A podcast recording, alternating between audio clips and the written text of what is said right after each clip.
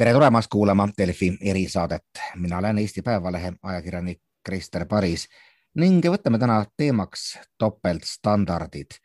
nimelt me ikkagi kipume ju nägema pindu teise silmis ja palki enda silmis mitte ning see käib ka rahvusvaheliste suhete kohta ajendiks on siis Ryanairi lennuk, mille Valgevene võimud sundisid maanduma Minskis, et saada sealt kätte ühte ajakirjanikku ja võtsid siis mööda minnes kaasa ka ajakirjaniku tüdruksõbra.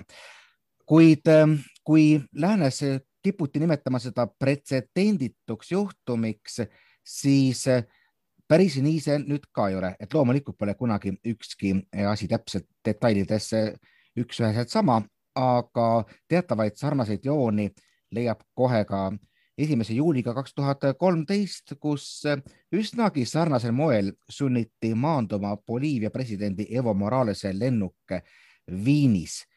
Ning sellele juhtis tähelepanu ka muuhulgas ju Venemaa välisministeerium, kes Valgevene võime ei õigustanud, ei mõistnud hukka, aga ütles, et kuulge, te kasutate ju topeltstandardeid, kui te, kui te öö, ütlete, et tegemist on millegi enneolematuga.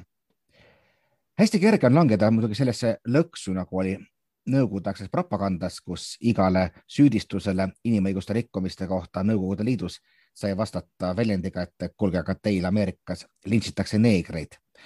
aga, aga et enda moraalses palges kindel olla, tasub ikkagi teinekord kuulata, mis öeldakse, sest et see, et üks pool teeb sigadusi, ei tähenda ju seda tingimata, et meie ise puhtad oleme. ja nüüd selle pika sissejuhatuse peale on mul väga hea meel tervitada teise poole Zoomi linki enda vastas Riigikogu põhiseaduskomisjoni liiget Oudekki Loonet ja Oudekki on ikka see inimene, kes juhib tähelepanu, et kõik, mis lääneblokist tuleb, pole sugugi nii ilus, kui, kui võib-olla mõnel pool püütakse näidata. Oudekki, sa ka ise juhtisid oma Facebooki ühes postituses tähelepanu sellele samale Moralese intsidendile. No räägime kõigepealt lahti, mis seal üldse oli, miks peeti kinni sisuliselt riigipea lennuk, mida sealt otsiti, mida, mis juhtus? Mm? -hmm no põhimõtteliselt oli lugu, lugu niisugune, et kui Boliivia äh, president äh, Morales oli äh, Venemaal ühel siis ähm, konverentsil andis ta intervjuu, kus tundus, et ta pakub Edward Snowdenile asüüli. Edward Snowden teatavasti oli äh, vilepuhuja, see on ilmselt kõige neutraalsem äh, termin, teda nimetatakse kangelaseks, vaba, vaba kõnekangelaseks, mõned nimetavad teda terroristiks. Äh, no nii nagu ikka kipub olema, vilepuhuja on ilmselt neutraalne ähm, ähm, kes siis, kes siis oli endine, endine ähm, ütleme CIA töötaja või, või allhankija ja kes, kes osuta, kes oli osutanud paljudele äh, programmidele, mis äh, sellistele jälgimisprogrammidele, mis tegelikult on, äh, mis meie inimeste, inimeste mm, sellist põhiseaduslikke õigusi ka Ühendriikide põhiseaduse kohaselt piiravad. just, toob ära need kolm tähte, siis NSA, mis toob siis kohe, paneb, peaks panema klikkima, et millega tegemist oli. täpselt, täpselt, täpselt ja, ja Ühendriigid äh, teda, teda süüdistasid äh, spionaažis, äh, valitsuse, valitsuse vara varastamises, kõikvõimalikes niisugustes asjades. ja tühistasid, tühistasid tema passi Snowden leidis, oli jõudnud selleks ajaks Moskvasse ja oli Moskva Šeremetjevo lennujaamas, kus ähm, kus teda sisse ei lastud, sest passi tal ei olnud ja siis ta elas seal pärast umbes, umbes kuu aega. Äh, ja siis selle, selle jooksul, kui oli tunne, et vot Boliivia nüüd pakub talle, äh, talle asüüli, äh, siis ähm, mm, Ühendriigid mõtlesid, et hüva, et ju siis Morales, nendeni jõudis kuskilt teave, et Morales kavatseb ta, kavatseb ta oma lennukis kaasa võtta sa saad aru, saad aru, et, et ega selle Snowdeni vist eesmärk tegelikult oligi jõuda Boliiviasse, et selle koha mm. pealt mm. oli see nagu kahtlustusel mingisugune sisuline alus olemas no tõenäoliselt oli sisuline alus olemas ja ma üldse ei välista, et see plaan ka oli aga eh, see lihtsalt eh, ilmselt jõud-, arvatavasti, noh, me ei tea seda, aga arvatavasti jõudis Moraleseni. Eh, ma arvan, et, et kui see plaan oli, siis noh, tõenäoliselt Venemaa vihjas, et niisugune plaan võib olla noh, see on puhas minu hüpotees, aga, aga see tundub lihtsalt loogiline vaadates asju ja, ja selle tulemusena Snowden siis ikkagi äh, selle, selle lennuki peal ei, äh, ei olnud. hiljem äh, praeguseks ta on saanud Venemaal õiguse siis olla Venemaa ähm, alaline, alaline elanik, nii et Snowdeni, Snowdeni probleem on, on teistmoodi lahenenud aga ja tookord ühesõnaga Ühendriigid äh, leidsid, et tõenäoliselt nende tagaotsite, nende poolt tagaotsitavaks kuulutatud inimene, kes mõnede teiste jaoks kindlasti oli ajakirjanik, oli äh, vilepuhuja, oli vabadusvõitleja, mida iga, kuidas me tahame nimetada ähm,, äh, on ähm, lennu peal, muuhulgas, mis oli riigipea lend, mis on väga kõrge diplomaatilise puutumatusega. Ja äh, siis ähm, Ühendriigid veensid Prantsusmaad, Hispaaniat, Portugali, Itaaliat, et äh, sulgeda oma õhuruum äh, siis riigipea Moralese lennuki ees ja Moralesel ei jäänud muud üle, kui äh, maanduda Austrias ametlikult ütle, väitsid, et nad, noh, et nende, nende, nende ähm, kütus saab otsa. see, see oli selline nagu ikka esitatakse e, e, erinevaid e, põhjuseid, aga noh, see, et neid ei lastud sisse, see on, see on teada. Ehm, Austria, Austria siis aut, ähm, riik saadab sinna kontrollid nad ise väidavad, et selleks, et teada, et miks ta siis ikkagi Viinis maandus. ja, ja järgmisel päeval saab Morales ka Austria vist, ma ei mäleta, kas see oli president, peaminister äh, temaga, temaga hommikusööki ja, ja, ja lendab, äh, lendab edasi. Äh, hiljem ähm, Morales teeb ähm, siis ka äh, kohtuasja Ühendriikide valitsuse vastu, ähm, kasutades siis fraasi äh, kuriteod inimkonna vastu, et äh, viidates, et Ühendriigid mitmeid kordi on blokeerinud presi-, selliseid riigipeade, riigipeade lende, eh, viidates ka president Maduro eh, lennule, eh, mida, mida siis, mida samuti üle siis Puerto Rico kohal, mida Ühendriigid blokeerisid. Ühendriigid väitsid vastu, me juba ütlesime ette, aga põhimõtteliselt see on ka mingi sedalaadi, sedalaadi lugu ja, ja, ja ÜRO toonane peasekretär siis lubas võtta kasutusele kõik meetodid, et niisuguseid asju enam hiljem ei juhtuks. aga muidugi neid on juhtunud varem ja tõenäoliselt juhtub, juhtub ka hiljem. kui me selle kardan... moraalse asja kokku võtame, siis jutt ikkagi olemusel oli see, et sooviti kätte saada Snowdenit ning loodi olukord, kus lennuk pidi maanduma riigis, mis sai minna ja otsida lennuki läbi mm. -hmm. just, just just täpselt, täpselt, täpselt nii äh,, niisugune see, niisugune see olukord oli. no missugune maailma reaktsioon tollal oli, no ÜRO peasekretäri oma mainisid, aga no,, aga et see, see ei saanud jääda niisama, et kuulge, et, et see nüüd ongi uus no, normaalsus. hiljem, eh, kui mul tuleb ette, Prantsusmaa vist hiljem vabandas, ütles, et meil läks sassi reaktsiooni muidugi oli äh, sellised ähm, mõned ajalehed, ma mäletan Guardianis oli mitu artiklit, kus öeldi, et nii ei kõlba ja see on, see on ähm, selline äh, lennuki kaaperdamine, noh, ütleme kaaperdamine ta tehniliselt tegelikult ei ole. see tehniliselt kaaperdamine on see, et keegi paneb sulle püstoli piloodile siia ja ütleb, et nüüd sa lendad kuhugi mujale. et see, kui sulle pannakse kaks, kaks kaks ähm, sõjalennukit kõrvale, siis, siis see tehniliselt ei ole kaaperdamine, nii et kummalgi puhul see ei olnud tehniliselt kaaperdamine, noh, sisuliselt me saame kõik aru, millega on tegemist, see on siiski jõu näitamine ähm,. aga äh, no tulles tagasi äh,, tulles tagasi selle küsimuse juurde, et ja, et kuidas, kuidas reageeriti ja arutati selle üle arutati selle üle, aga mingit väga suurt reaktsiooni ma ei mäleta, et keegi oleks öelnud, et me peame Ühendriikide vastu sanktsioonid kehtestama. mulle tundub, et isegi Venemaa ei öelnud midagi niisugust. et, ähm, et, et arutelu oli ja siis ja, ja ütleme, tulem oli see, et jaa, et peaks vaatama, et hiljem nii enam ei juhtuks ja, ja sinna see jäigi. kui palju võis selle taga olla kõik see, et, et noh, Evo Morales noh, esindas suhteliselt nagu teistsuguse maailmakorra nägemust, et tal võib-olla ei olnud väga palju tugevaid ja mõjukaid sõpru jah, absoluutselt, ma arvan, et see nii oli, et ütleme, et kui me korraks me võime läbi mängida selle mõtte, et, et kui Snowden oleks sellel lennul olnud, siis ta kindlasti oleks kinni võetud, oleks Ühendriikidesse viidud, ma ei tea, mis temaga oleks seal juhtunud. Ehm, no Guantanamot me kõik teame, seal on jätkuvalt inimesed, keda, kes äh, röövitakse suvalistest punktidest maailmas salajaste süüdistuste alusel, mõetakse salajaselt kohust ja siis nad, äh, siis nad on seal, et, et Guantanamo on loonud sellise pretsedendi, et ma ei tea, kuidas me maailmas sellest välja tuleme, tõenäoliselt ei tulegi.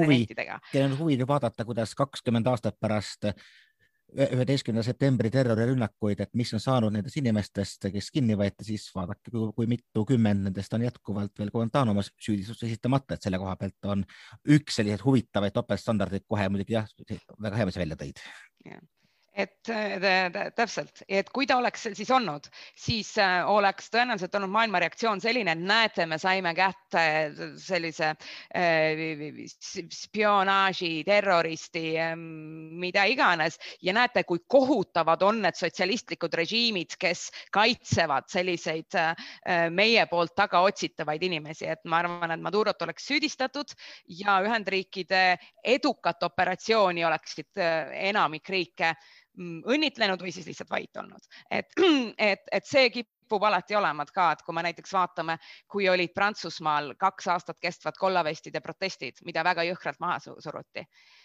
siis peaaegu mingit maailma reaktsiooni ei olnud sellepärast et see on või kui meil on hiljuti olid, on meil olnud praegu Kolumbia äh, protestid, suured ametiühingute protsessid, äh, protestid. Kolumbia on riik, kus on kõige ohtlikum olla ametiühingu tegelane, neid äh, nagu on väga tõenäoline, et sind tapetakse ära.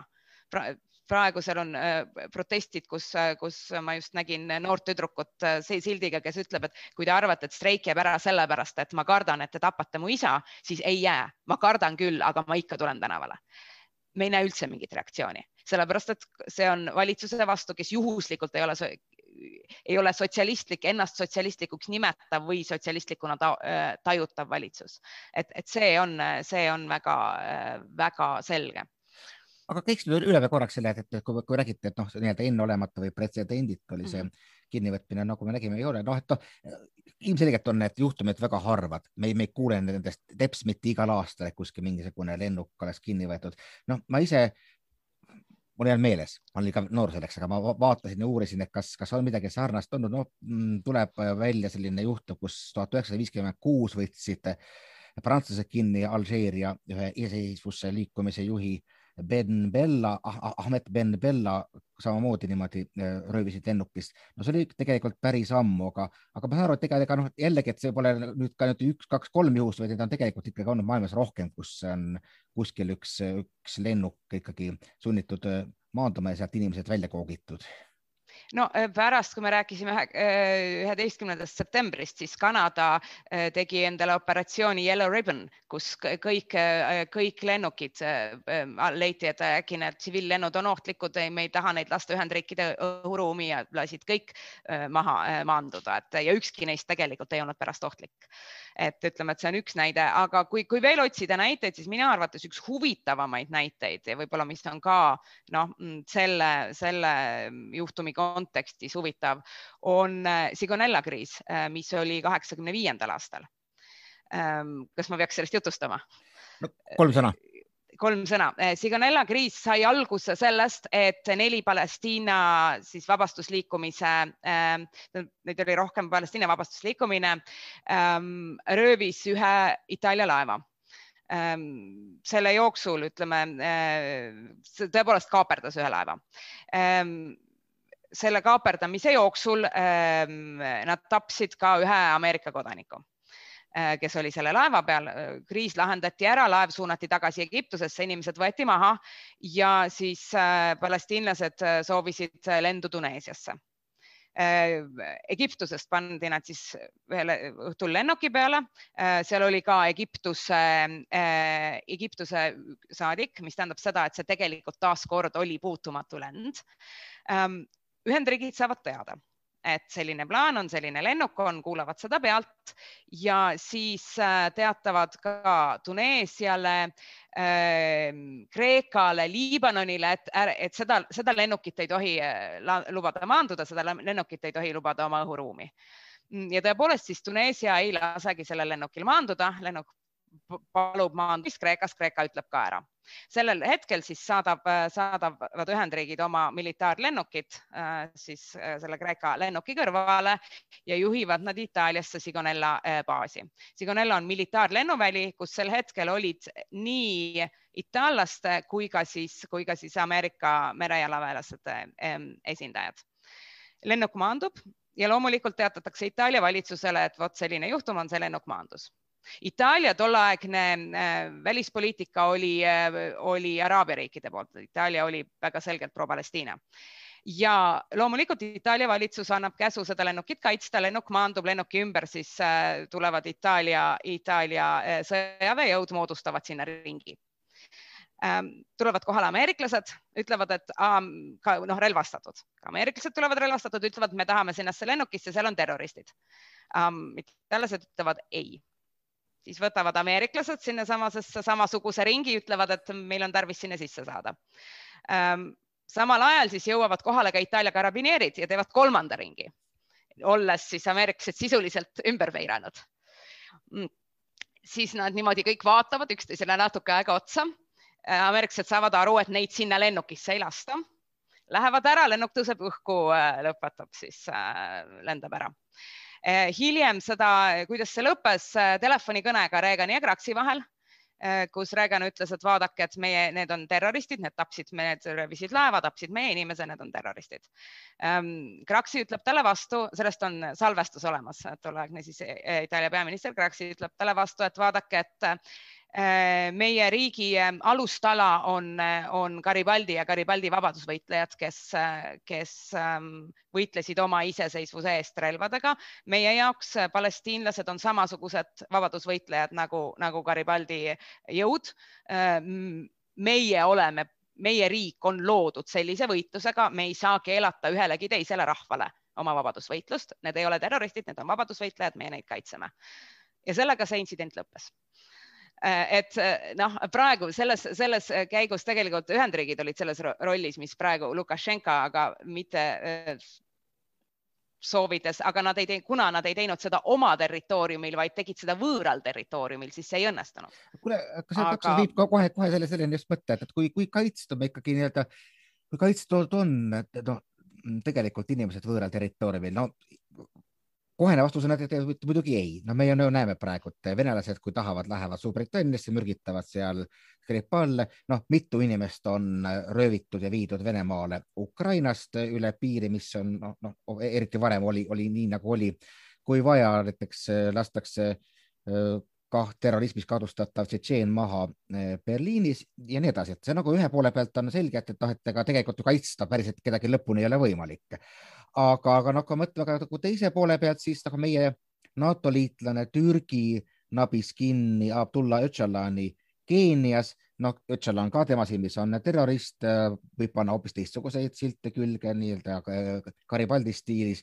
no Iisrael kunagi kõige tuntumaid juhtumeid maailmas nabis kinni Adolf Eichmanni äh, Argentiinas, viis Iisraeli mõistis kohut, puhus üles. no antud juhul Eichmann isikut arvestades eh, ilmselt vaadati rohkem läbi, läbi sõrmede. aga eks siin on ka teisi juhtumeid olnud, kus eh, jällegi sellised kahtlasisikuid on tapetud, no bin Laden tapeti, Osama bin Laden tapeti Pakistanis, natukene vähem mm, üheselt halb ja siis kindral Soleimani, Iraani kindral tapeti USA poolt Iraagis. et, et, et kui me nüüd vaatame, siis nagu neid kohti, kus ühest küljest nagu ütleb rahvusvaheline õigus, et noh, nii ei tohi, aga teisest küljest ikkagi tehakse, no tuleb ikka oluliselt muidugi rohkem kui neid, kui neid lennukite kõrvale suunamisi või, või kaaperdamisi. et me ikkagi sisuliselt peame nentima, et, et kellel on võimalus ja jõud midagi teha, saab tegutseda ka äh, eriti üksikisikute vastu suhteliselt karistamatult ähm,. nii ja naa nii ja naa, ühelt poolt tõepoolest, ega rahvusvaheline õigus nagu iga õigus, kui seda ei taga jõud, siis seda ei ole olemas. ka riigisisest õigust tagab riigi jõumonopol. Ähm, nüüd rahvusvahelises õiguses jõumonopoli ei ole, selles mõttes see on anarhistlik ja, ja jääbki niisuguseks. ja sellisel puhul ähm, õigus on need, kes, kellel on kes on võimul, paraku. või siis need, kes on, kes on võitjad, aga ükski võitja ei pruugi jääda sinna igaveseks nii et ja see on see, miks asju, miks rahvusvahelises õiguses ka lepingud peavad ja miks inimesed hoolivad asju õigesti tegemast. isegi kui me vaatame, kui me vaatame ka, ütleme neid samu Venemaa ja Valgevene juhtumeid, siis ähm, püütakse siiski esitada asju võimalikult pretsedendi kohaselt, võimalikult leida, leida ametlik põhjendus, miks nii võib teha. Rääkimata siis ka, ka teistest riikidest. selles mõttes, et ähm, kui sa kaotad, sa võid kaotada sõja siis sa, siis sinu üle mõistavad kohut need, kes sõja võitsid, aga sa võid ka kaotada valimised oma riigis. lihtsalt teistsugune valitsus tuleb võimule ja sellisel puhul noh, ka Argentiina näide ähm, kui, kui, kui lõppes kolonelide režiim, siis pärast seda äh, ka need kuriteod, mida tehti ähm, äh, siis võõrriikide kodanike vastu, ka nende eest on inimesed äh, kohtu alla antud. me vaatame Itaaliat Äh, siis ka, ka need kuriteod, mis tehti, mis, mis tehti riigi poolt. Itaalia on korduvalt andnud äh, salateenistuste juhte kohtu alla nad on süüdi mõistetud. Ähm, et need, need asjad hiljem juhtuvad, et sa ei, et kui sa ei tee asju õigesti, kui sa, kui sa teed niisugusi akte, siis ühel hetkel mõistetakse sinu ees, sinu üle ka kohut. mõned muidugi, mõnedel veab, mõned surevad enne ära, see sõltub, kui kaua, kui kaua sul õnnestub võitjate poolel olla no seda, see kehtib ikkagi vist ennekõike nii-öelda demokraatlike režiimide suhtes või siis teiste režiimide suhtes, kus mingil põhjusel otsustatakse, et, tänane kangelane on, on homne kurjategija, aga kui, kui, kui... kui režiim, selles mõttes, kui režiim vahetub, et ütleme, demokraatlikes riikides on see lihtsam, sellepärast et meil ei ole seal, meil vahetub, meil valitsused vahetuvad tihedamini. sa võid selle saavutada, ütleme, sa võid selle õiglase kohtumõistmise saavutada ka valimistega. mittedemokraatlikel puhul režiimid vahetuvad ka et, et kui ka mitte ja, ja ka seal nad vahetuvad tavaliselt verisemalt, seal ta võib vahetuda kodusõjaga. kui režiim vahetub, siis vana režiim võib väga selgelt oodata, et antakse kohtu alla. Ja mõnikord on sõda, et kui me vaatame pärast teist maailmasõda, siis ähm, kohtu alla anti need, kes kaotasid. Mitte, et mul ei oleks selle, ma oleks selle üle kuidagi kurb, et nad kohtu alla anti, aga see lihtsalt on, on hea näide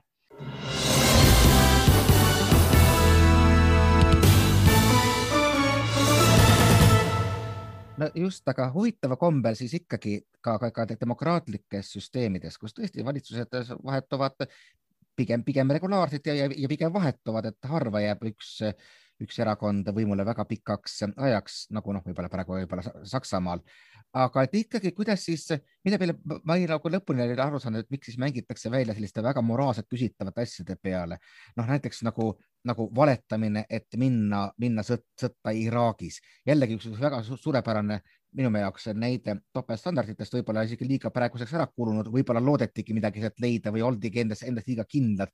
aga kokkuvõttes ikkagi me läksime sinna puhtalt valedel põhjendustel, sellele vaatamata, et Saddam Hussein oli kohutav diktaator, kes ilmselt vääris oma lõppu kelle, sa, kes ähm, sinna paigutati, sellepärast et see oli mingil hetkel oli ta Ühendriikidele väga kasulik, siis ei küsinud keegi, kes ta täpselt on või ei ole.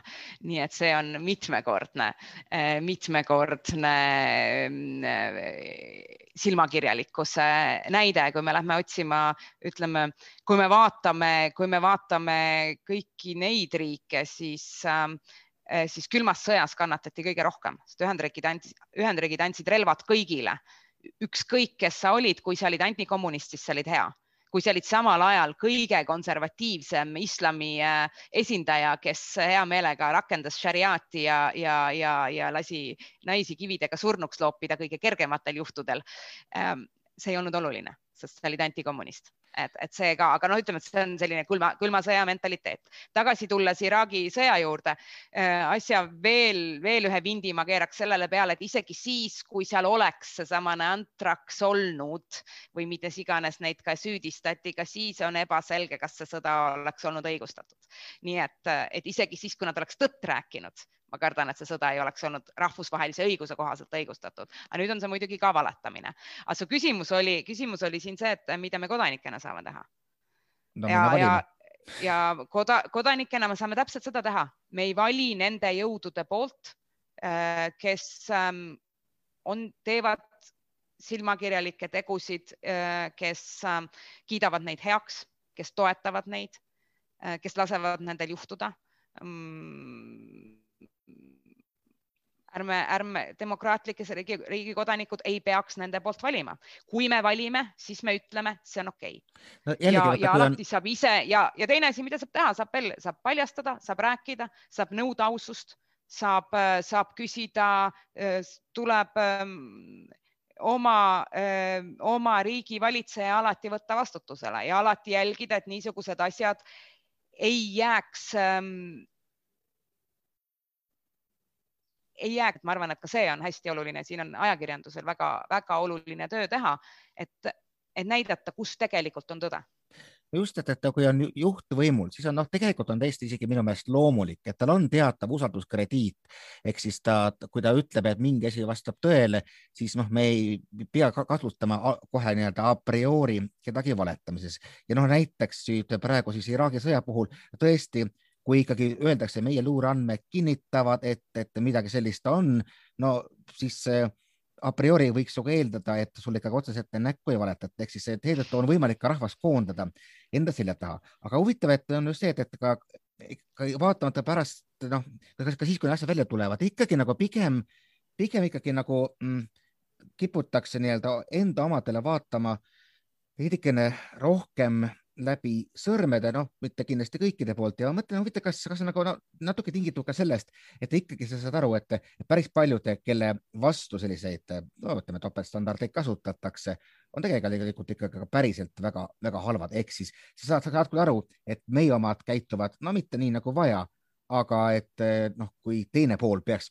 mis iganes konfliktis võitma, siis see tulemus oleks nii palju kordades hullem ja parem on ikkagi koonduda oma jah, vigadega aga siiski enda juhi ümber no,? see on natuke selline külma sõja aegne mõtteviis, äh, mis, mis ka siis ei olnud õigustatud. et äh, John Le Carre on kirjutanud sellest väga-väga hea raamatu, mille nimeks on Spioon, kes pääses külma käest. Spy who came out from the cold ja ma soovitan seda lugeda selle probleem on täpselt see, et kuulge, et aga meie pool ju toetab natse et ähm, noh, ja see tegelikult natuke noh, Suurbritanniat see raamat tegelikult tookord oluliselt muutis, et mõnikord, mõnikord ähm, on heal ilukirjandusel tugev, tugev mõju, ma soovitan seda lugeda. et kui me teeme, kui me teeme kohutavaid asju, siis on meie režiim ka kohutav. režiim, režiim ei ole õige sõna, meie, meie valitsus äh, Äh, et, et, et ei ole vaja teha nägu, nagu me siis ei oleks kohutavad ja si- ja, ja see valik peab olema teadlik. Ähm, ma otsustan, et mina tahan olla võimul, ma tahan, et minusugused on võimul, aga see ei tähenda, et ma olen kuidagi hea. et, et selline ähm, selles osas peab, peab kindel olema ja ma ütlen, et peab ise andma parema alternatiivi et ja, ja, ja ähm, kui külma sõja ajal oli laias laastus kaks alternatiivi, siis praegu neid on märgatavalt rohkem ja praegu ma, praegu ma ei näe, et ükski riik tegelikult noh, ka ütleme, et kui me vaatame sedasama äh, Palestiina küsimust, siis teatud mõttes see on Palestiina siseküsimus. et nad ei, see ei ole, et nad ründaksid Ühendriike või ründaksid Eestit niisugusena, see ei, see ei ole tegelikult meie probleem me,. meil ei ole täna äh, väga palju karta riiklikke invasioone. et võib-olla see asi, mida me, meie probleem täna lahendada, on selline ähm, räniorglus, nagu ma seda võiksin nimetada, et ütleme, et, et see, et see, kes täna üritab defineerida ümber ähm,, mis on meie viis elada, mida tähendab töö äh,, mida tähendavad õigused, mida tähendavad vabadused, see tuleb täna Silicon Valley'st see tuleb täna kõigist nendest asjadest, millega meie sinuga siin suhtleme. aga, aga see mõtteviis on laiem, eks ju, meil on ka oma Boltid, Woldid, kõik muud niisugused asjad.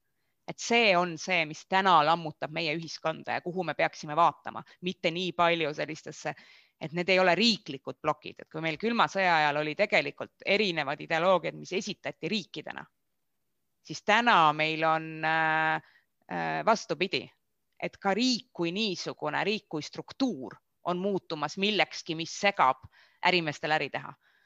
See muidugi, ja see, see on see... meie probleem ja see on meie lahendus, aga see on, see läheb meie välispoliitika silmakirjalikkusest natuke kaugemale. just nimelt, ma hakkasin mõtlema, et noh, et see, see mm, arutelu teemal, et kas, kas, kas riik on juba muutunud igandiks ja vastupidi, osad teised väidavad, et, et, et ei, ei, kasvõi näiteks ähm, Rei, Rei Müllerson, tuntud äh, politoloog, väidab ikkagi, et, et äh, pigem on näha selliste riikide tugevate keskuste äh, nagu, nagu tagasitulekut ja noh, see on selline mõnevõrra abstraktne arutelu, mis saab konkreetsed, konkreetse sisu siis lähemate aastakümnete jooksul, et eks me seda täpsemalt ja. saame näha aga kui me nüüd nagu vaatame, kui tuleme tagasi võib-olla veel alguse juurde, siis, siis noh, ikkagi nii-öelda eh, sanktsioonidest ja, ja nende kehtestamisest.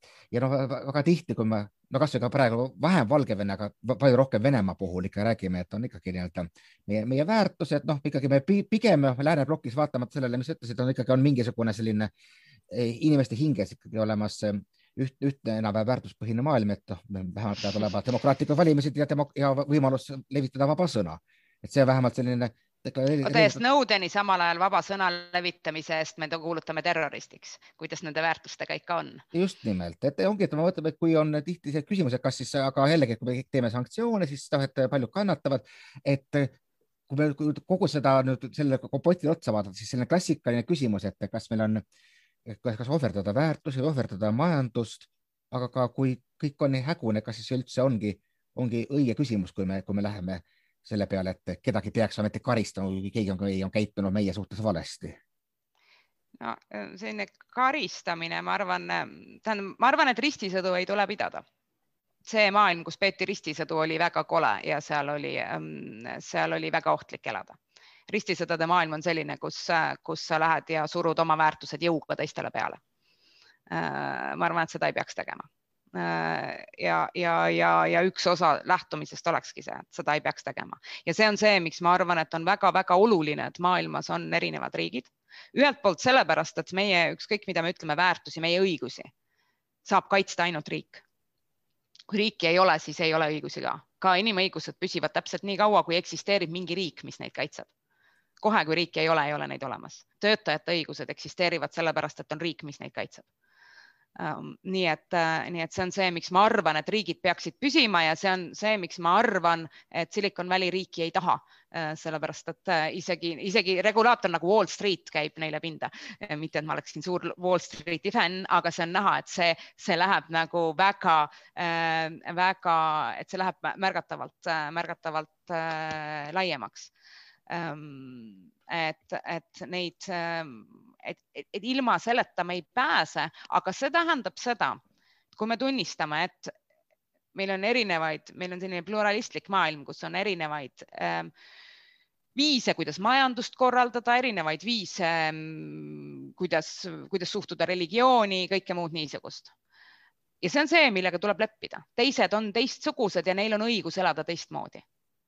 et meil ei ole õigust minna ja oma väärtusi kuskil mujal kehtestama tulla. et, et, et sellest ja, ja sellest tulekski, sellest tulekski lähtuda. me saame äri teha inimestega, kes on täiesti teistsugused. see on huvitav, et see, see muutus tekkis osaliselt äh, Jugoslaavia pommitamise järel, kus, kus äh, toodi nagu rahvusvahelisesse õigusesse sisse selline, selline mõiste nagu, nagu äh, vajadus, vajadus kaitsta, ühesõnaga, et kui sa ikkagi näed, et su naaber tapab enda territooriumil suurel hulgal tsiviilisikuid või sooritab muid kuritegusid, siis on ikkagi see moraalne õigus muutub ka nagu tegelikult reaalseks õiguseks neid kaitsma minna. no mis Jugoslaavias sündis, see on muidugi veel oma, omaette teema, huvitav näiteks, et Tšehhi president Miloš Zeman nüüd oma Serbia ametikaaslase Aleksandr Vučići ees muide vabandas, ütles, et, et ta, ta oli lõpuni selle vastu, aga no vastane NATO liige Tšehhi, ma ise mäletan seda aega, olid küll suured protestid selle vastu, aga noh, tal ei jäänud väga-väga palju muud üle, kuigi Tšehhi osa tollal vist piirus ainult nii-öelda õhuruumi avamisega.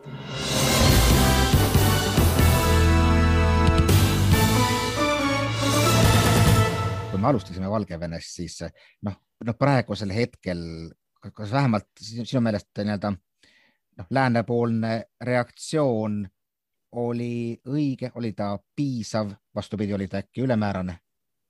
piisav milleks? hmm, piisav selleks, et veenda kas A, Valgevene võime mitte niimoodi enam käituma, aga tegelikult B selleks, et võib-olla viia ikkagi läbi Valgevenes režiimi muutus, mis tähendaks mitte midagi vähe, enamat kui lihtsalt vabade valimiste korraldamist. ühesõnaga, et mitte üks, mitte üksinda, mitte, mitte see reaktsioon, oli ta vähemalt piisav ka kasvõi selleks, et rahustada Euroopa enda südametunnistust või siis vähemalt luua mingisugune üht, nagu olla osa ühtsest ja kindlast poliitikast, mis on vähemalt suunatud siis ühele eesmärgile, et selline diktatuurirežiim meie naabruses ei püsiks. et siis ikkagi, et kas see oli hea relv ristisõdijatele? Kui sa seda nii paned. Et no selles mõttes, et ütleme, et siin on nagu kaks asja, et kas, kas see tekitas tunnet, et me oleme midagi ühtselt teinud Euroopa Liidus ehm, ja midagi ühtselt tõepoolest tehti. Äh, nüüd, mis puutub režiimi muutusse Valgevenes või valitsuse vahetusse Valgevenes, see on Valgevene kodanike asi. et seda ei, me ei saa, kui me väljaspoolt seda teeme, siis see on okupatsioon, me ei saa seda väljaspoolt teha aga Valgevene kodanikud ise saavad otsustada, kuidas nad tahavad ja kas nad tahavad oma valitsust vahetada, kunas nad tahavad oma valitsust vahetada ja, ja, ja, ja kogu selliste vabade valimisteni välja. kusjuures ma olen jätkuvalt kindel, et kui, kui Euroopa Liit või, või OSCE oleks saatnud enne viimaseid valimisi, oleks olnud nõus saatma sinna valimisvaatlejad, siis need valimised oleks reaalselt olnud väga palju vabamad et ma arvan, et see meetod öö, oleks vältinud kõike seda, mida me praegu näeme, ka, ka, ka sellist vägivalda, mida, mida me tänavatel nägime, et, et, et see ütleb ka võib-olla Euroopa Liidu kohta nii midagi, et me, et me tookord sellest keeldusime, sest vaatlejate olemasolu iseenesest tagab selle, et, et püütakse ükskõik milline riik sa oled, sa, sa, sa püüad pidada vabu valimisi ja kusjuures ma ei ole üldse kindel, et ma, et Lukašenka oleks tookord vabadel valimistel kuidagi kaotanud, et äh, konsensus võib-olla oleks olnud väiksem kui kümme aastat tagasi, aga noh, seda me ei tea praegu. Äh,. jälle vaatlejaid Euroopa Liit otsustas sinna mitte saata äh, ja ma arvan, et tegi valesti. Praegu, mida me oleme teinud, äh, soovitanud, öelnud, et võiksite mitte Valgevenesse lennata Euroopa Liidu lennufirmad. Äh, mille, mis tähendab seda, et kui noh, ma vaatasin, et Saksamaal on väga oluline hulk ärisid äh, Valgevenega, et kui Saksa ärimehed ikka tahavad Valgevenesse lennata, siis äh, keegi neid ei takista. Ähm, Valgevene ise lendab suures osas Venemaa suunal. Valgevenesse enamik lende on Türgi omad, Venemaa, mm, mitte Euroopa, väga vähesed Euroopa firmad nagunii lendavad sinna noh, me just nägime seda, kuidas üks lennuk tiirutas ja, ja, ja neil ei õnnestunud Hispaaniasse minna. selle tulemusena, mida me saavutame, on see, et Euroopa inimesed ja Valgevene inimesed äh, suhtlevad vähem. kas see on nüüd see tulemus, mis meid kuidagi aitab äh,? ei usu.